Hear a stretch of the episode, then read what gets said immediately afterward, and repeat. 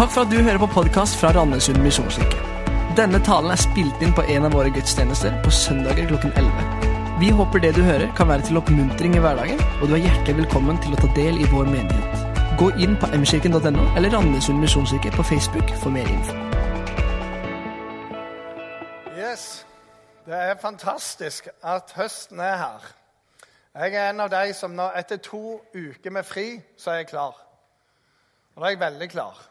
Og nå har det vært jeg vet ikke jeg hvor lenge. Altfor lenge. Det er hver sommer. Så jeg er rimelig eh, si, klar, høy. Og eh, går og tripper og venter. Og jeg syns at eh, sånn, å, å, gå gjennom en sommer med lite gudstjeneste og lite Det går ikke an. Og det er veldig vanskelig, dette her. Så nå, nå er jeg klar. Jeg har et par kamerater som eh, er lærere på grunnskolen her i området. Jeg skal ikke nevne at de jobber på Vardåsen. Han ene der, og han andre tror han er på Strømme. Det er gode kompiser. Og så holdt de på med et prosjekt med noen som plater. Eh, treplater som de skulle finne senter i. De var litt sånn forskjellige i høyde og bredde. Og for to gode grunnskolelærere så ble dette et stort prosjekt. For det var snakk om en åtte-ti plater med disse forskjellige størrelsene. Og så er det da kunststykket å finne det som er helt i sentrum.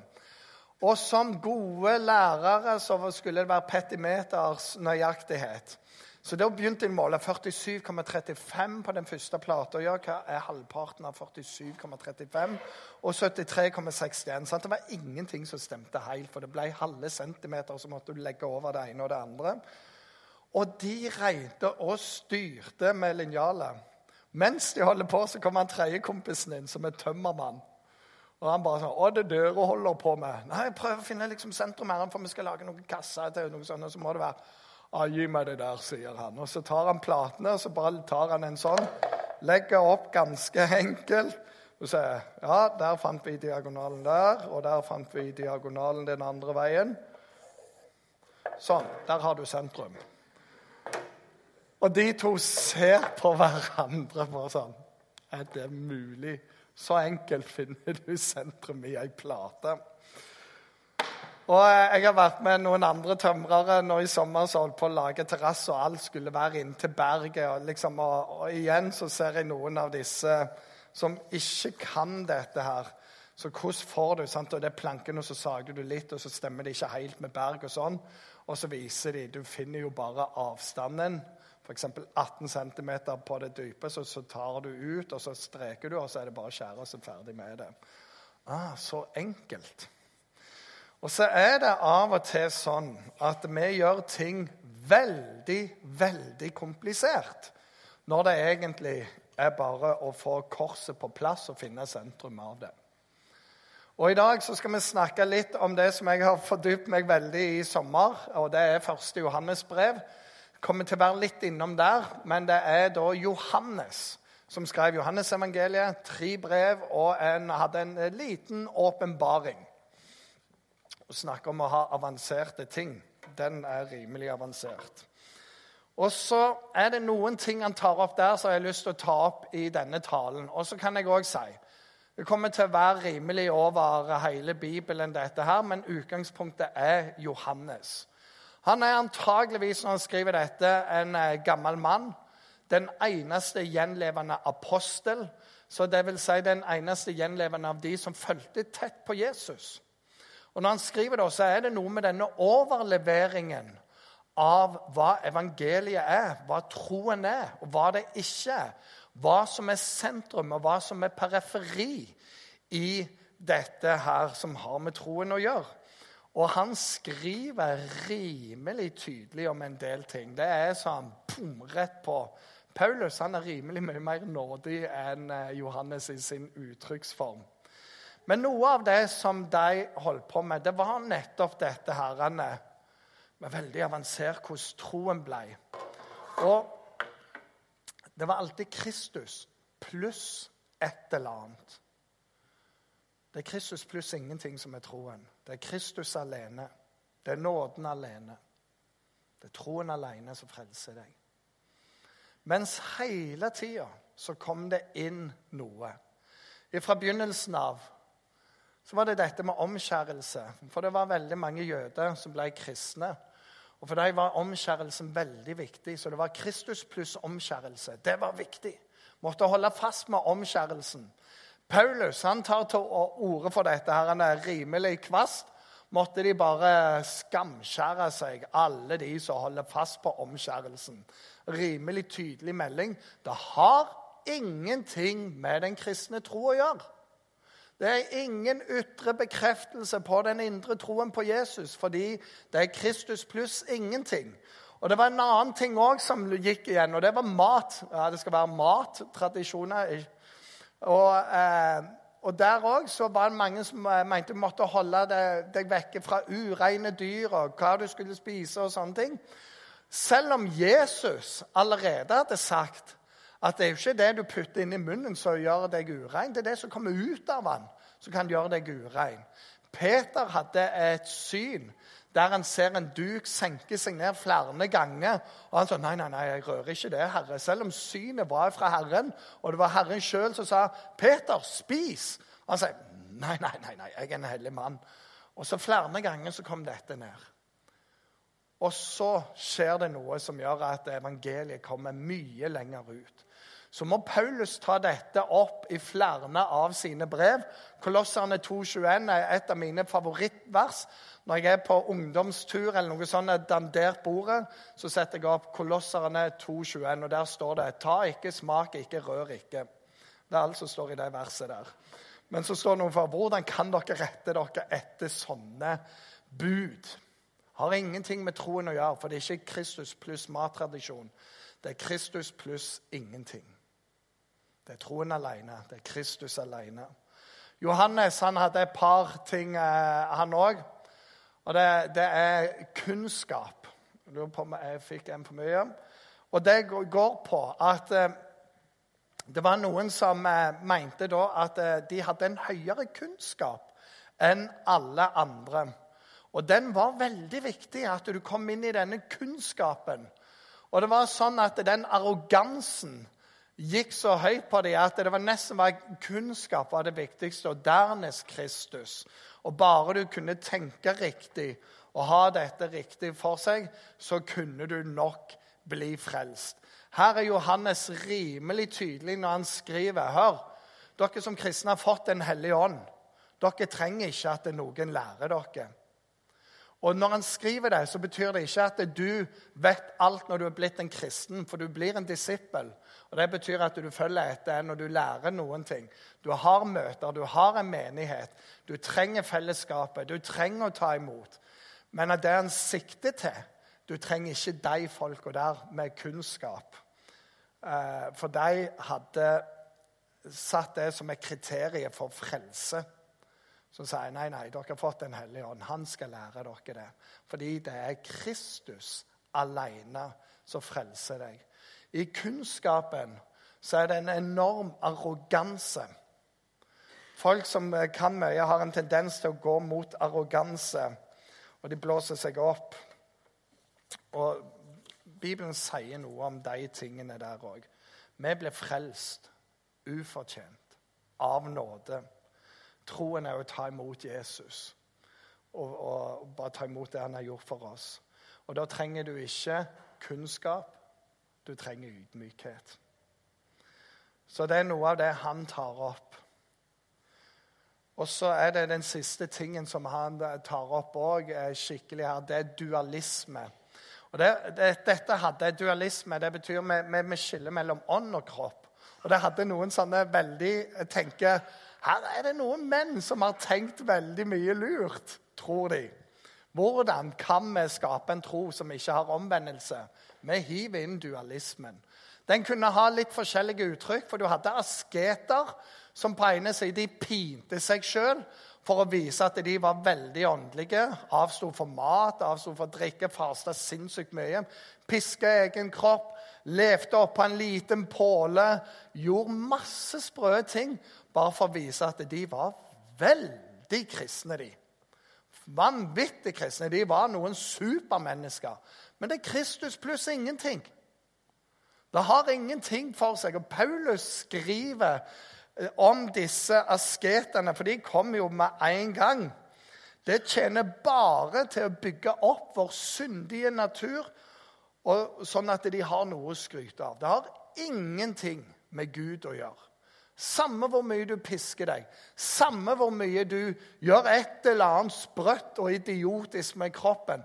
Det har ingenting med troen å gjøre. Det tjener kun til å, å fyre opp under vår syndige natur. Men det som var her, det var enda verre. Det var at de skilte sånn mellom kropp og ånd. At det jeg tenker, det er det kristne. Og det får meg til himmelen. Men hva som skjer med kroppen, det betyr jo ingenting, for den skal jo skrotes når jeg dør. Så dermed så kunne du ta inn på et horehus på vei til eller fra gudstjenesten, for det hadde jo ingenting med hverandre å gjøre. Og da tenker jeg det er nødt til å være noen mannfolk som har funnet opp det der. Og Kristus ga sin kropp for oss. Det har noe med troen å gjøre. Han ga alt for oss. Han ofrer hele seg. Og så har ikke vi en dualistisk tro, men vi har det vi kaller en holistisk, der dette henger sammen. Ånd, sjel og kropp, sier noen. Dette henger sammen. Det har noe med hverandre å gjøre. Og Det betyr at når du tar imot Jesus, så ligger det en omvendelse i måten vi lever livet på, i måten vi verdsetter ting på. Alt. Men det er Kristus pluss ingenting. Vi har jo noen nye herlige ting. Det har vært Kristus pluss klær. Søndagsklær. Veldig viktig å pynte seg for Jesus. Veldig viktig å ikke se ut som noe annet. Det var nesten sånn at du ikke var frelst hvis du ikke hadde rett klær på deg. Kristus pluss omgangskrets har vært veldig viktig. Vær forsiktig, lille fot, hvor du trår. Vær forsiktig hvem du er med. Og Jesus han ble jo òg anklaget for å være med de feil folka. Må ikke være med de som sier hei, det er de syke som trenger lege. Ikke de, ikke de friske. Jeg er kommet for alle de som trenger det. Men likevel så har det sneket seg inn at du må holde deg med de rette, du. Vi må holde oss bak bedehusets fire vegger, for der er det trygt å være. Utenfor er det farlig og vi setter deg i bås med en gang. Og så blir det Kristus pluss et eller annet hele tida. Johannes tar et oppgjør med det som du vil se Jesus har gjort, Paulus gjorde det, og han gjør det òg. Og så sier han det er Kristus pluss ingenting. Og det er noe med Akkurat sånn som i krysset, for å finne sentrum, så finner vi sentrum av troen i korset der Jesus er. Så når vi setter han i sentrum Johannes skriver det i evangeliet. Men alle som tok imot ham, de ga han rett til å bli Guds barn. De som tror på hans navn. Punktum. Så hva enn du ikke klarer å leve opp til, det betyr ingenting. Det er Kristus alene som frelser. Og Det er noe av det som er nydelige med å få være en kristen. Det er ikke Kristus pluss et perfekt liv, Kristus pluss et syndefritt liv. Det er Kristus alene. Det er nåden som holder deg. Det er nåden som holder meg. Et par eh, ting òg inni dette her. Det er to hovedperspektiv som jeg tenker jeg har lyst til å ta opp i, um, i 1. Johannes. Det ene er at Gud er lys. Det står Gud er lys, det finnes ikke mørke i han. Sier vi at vi har fellesskap med han, men vandrer i mørket, da lyver vi og følger ikke sannheten.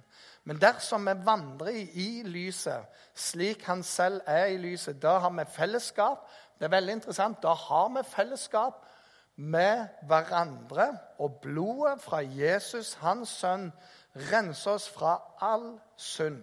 Sier vi at vi ikke har synd, da bedrar vi oss sjøl, og sannheten er ikke i oss. Men dersom vi bekjenner våre synder, er Han trofast og rettferdig, så Han tilgir oss syndene og renser oss for all urett. Sier vi at vi ikke har synder, gjør vi Han til en løgner, og Hans ord er ikke i oss. Så det er noe med dette lyset som Gud ikke har, men som Gud er. Det lyser overalt. Og noe av det er deilig. Tenk, han lyser opp for oss. Ditt ord er en lykt for min fot og lys på min sti. Det gjør noen ting enklere. Og så er det noe av dette som er rimelig ubehagelig. For det betyr han lyser òg opp avkrokene i mitt liv. Og vi vet jo at Når vi har vært kristne en liten sånn, da slutter vi å synde. Det fins ikke mer. Ikke på vei til gudstjenesten når du har små unger eller noen ting, og, og du begynner å få litt tidsnød eller et eller annet. sånn. tenker på det så mange ganger når du kommer til en gudstjeneste hvor mange som Vi skal på den gudstjenesten der, hører du! Og nå setter du deg der og snill! For vi skal høre om Jesus elsker oss! Åh! Og så kommer det inn og bare oh! Og så synger Syver 'Frihet', og så tenker vi OK, takk. Trenger den nåden. Men så er det noe i dette perspektivet. Det er at eh, vi kan bekjenne det. Vi vet det. Det er godt. Gud kjenner alt jeg har gjort denne lange sommeren. Og så elsker han meg. Kjenner alt jeg har tenkt, og så elsker han meg. Og jeg kan komme hver gang til han med alt som ligger der. Og hver gang så møter han meg i vers 9 med trofasthet og rettferdighet. Og den rettferdigheten er annerledes enn vår, så han tilgir meg, og han renser meg. Det er fantastisk. Det er Kristus. Det er evangeliet. Det er sånn du, det går ikke an å forstå. Peter spør hvor mange ganger skal jeg tilgi min bror. da? Skal jeg sju ganger? For Hvis du var en from mann, så tilga du tre ganger bare drar på han skjønner at Jesus det er noe annet. Så syv ganger her jeg imponerer. Jesus er på han bare sa Peter, det var et godt forsøk, men 70 ganger 7. Hæ? Prøv den heller. Det bare blåser. Det går jo ikke an, Jesus. Han sier det er min nåde, det er ikke din nåde. Og det er hans nåde vi er kobla på. Og så i dette lyset Han er lys, ikke har. Og det, det er denne bekjennelsen. Og så er det noe som, det som jeg syns er vanskeligst med hele første Johannes brev. Det er det som kommer rett etter dette. For det står 'Den som er født av Gud, synder ikke'. Og det står flere plasser.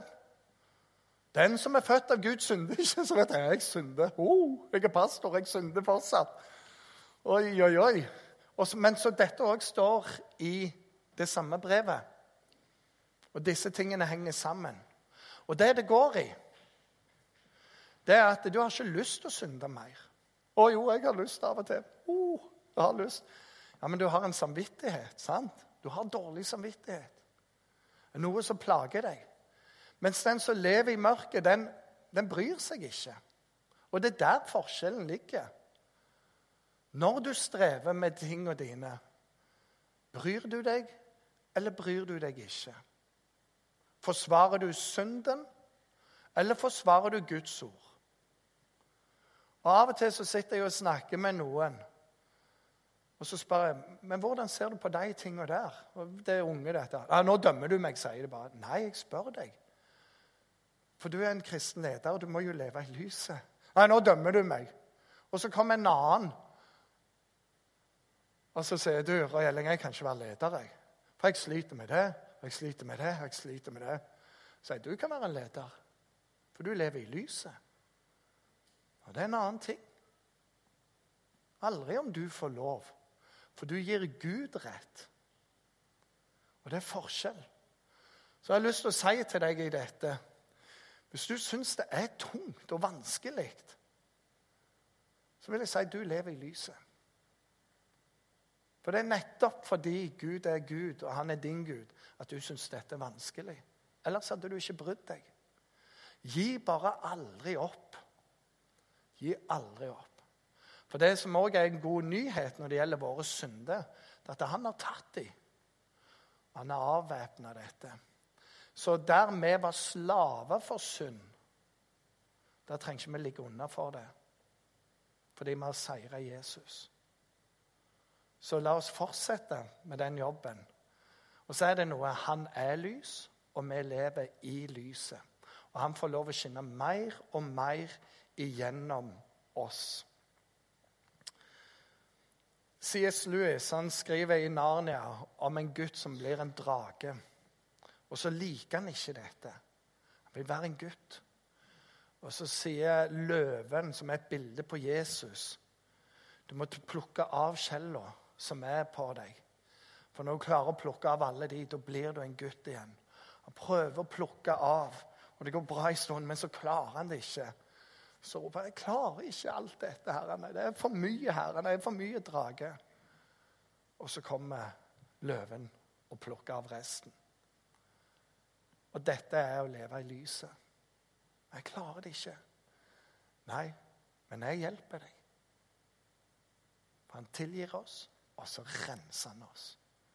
Og så får du være den gutten igjen, eller den jenta igjen, i Kristus. Hør, vi blir aldri ferdig med å bekjenne våre synder. Og han blir aldri ferdig med å tilgi oss og rense oss. Mika 7,8 sier dette. Gled deg ikke over meg, min fiende. For om jeg faller, så reiser jeg meg opp igjen. Og sitter jeg i mørket, er Herren lys for meg. Og Det er noe av det vi skal ha med. Bare ikke gled deg, for jeg, jeg reiser meg opp igjen. Og sitter jeg der, så er Herren med meg.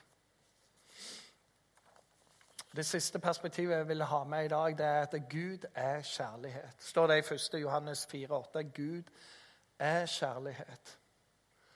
Og Et av de fineste versene jeg synes i hele 1. Johannes brev, hva kjærlighet er, har vi lært av at Jesus ga sitt liv for oss. Så skylder som er å gi våre liv for våre søsken. Gud er kjærlighet. Og Han har gitt den kjærligheten til oss, og han ønsker å gi den kjærligheten gjennom oss. Og Så drar Johannes på noen perspektiv her. Hvis du er i Guds kjærlighet, hvis du er i Guds lys, så vil noen ting begynne å forme seg i livet ditt etter hvert som du vandrer med Han. Og Det står det i verset etterpå her at men den som har mer enn nok å leve av, og likevel lukker døren sin til den bror som lider nød, hvordan kan han ha Guds kjærlighet i seg? Det er egoisme. Du må bry deg. Og så kommer jeg fra Jæren. Og for oss så fikk vi en dobbel porsjon av janteloven. Så hver gang vi leser Ja, det er sant, det. Det står ikke mye bra til med meg. Ja, det er sant.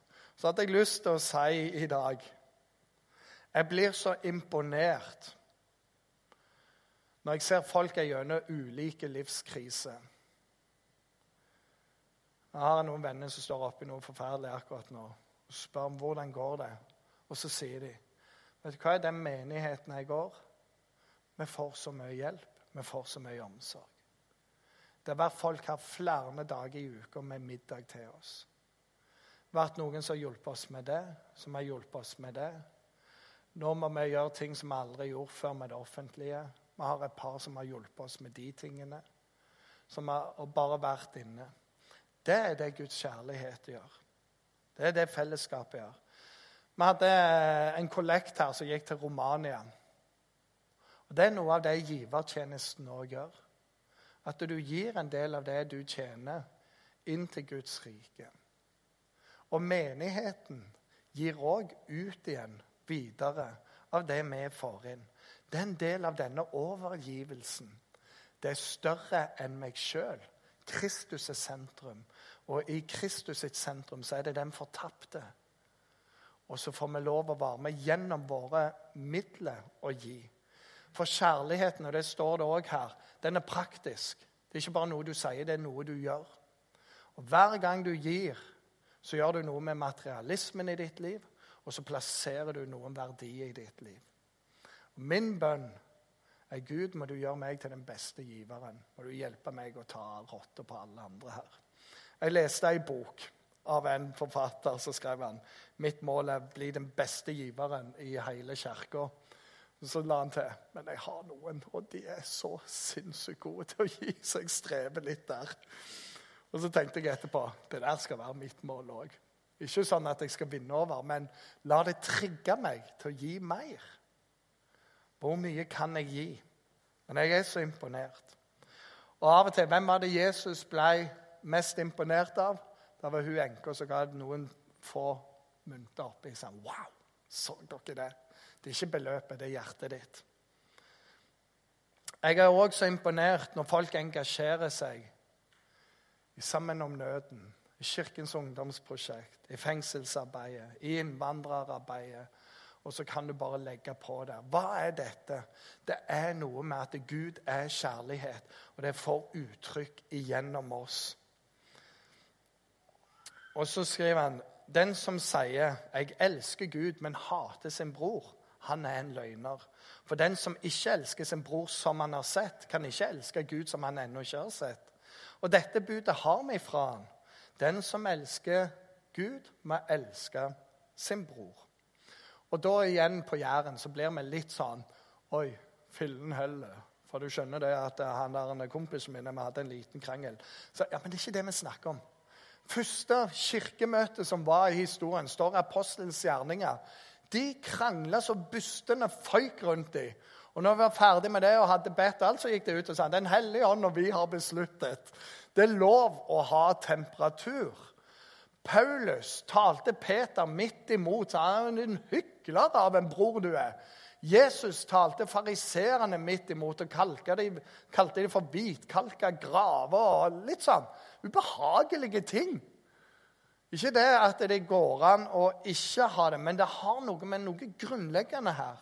Om å være glad i mennesker som er skapt av Gud. Samme hvor de måtte være.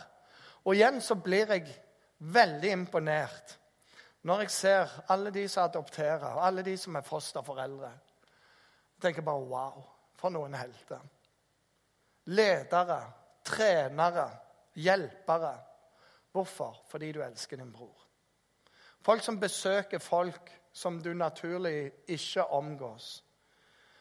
Men de er syke, de er alene, eller de går igjennom noe. Hvorfor? Nei, fordi du elsker din bror. Noen har yrkesvalg, og vi ler jo ofte. Hvis du er gift med ei kristen, så er det lave odds på at hun er sykepleier, sosionom eller lærer. Og er du utenom det, så er det sånn Wow, du er spesiell. Du må være frelst av nåde. Så, men hva er det? Nei, men Det er noe med hjertet òg her. Det er ikke bare tilfeldigvis. Det er noe med den formingen. Vi bryr oss om mennesket.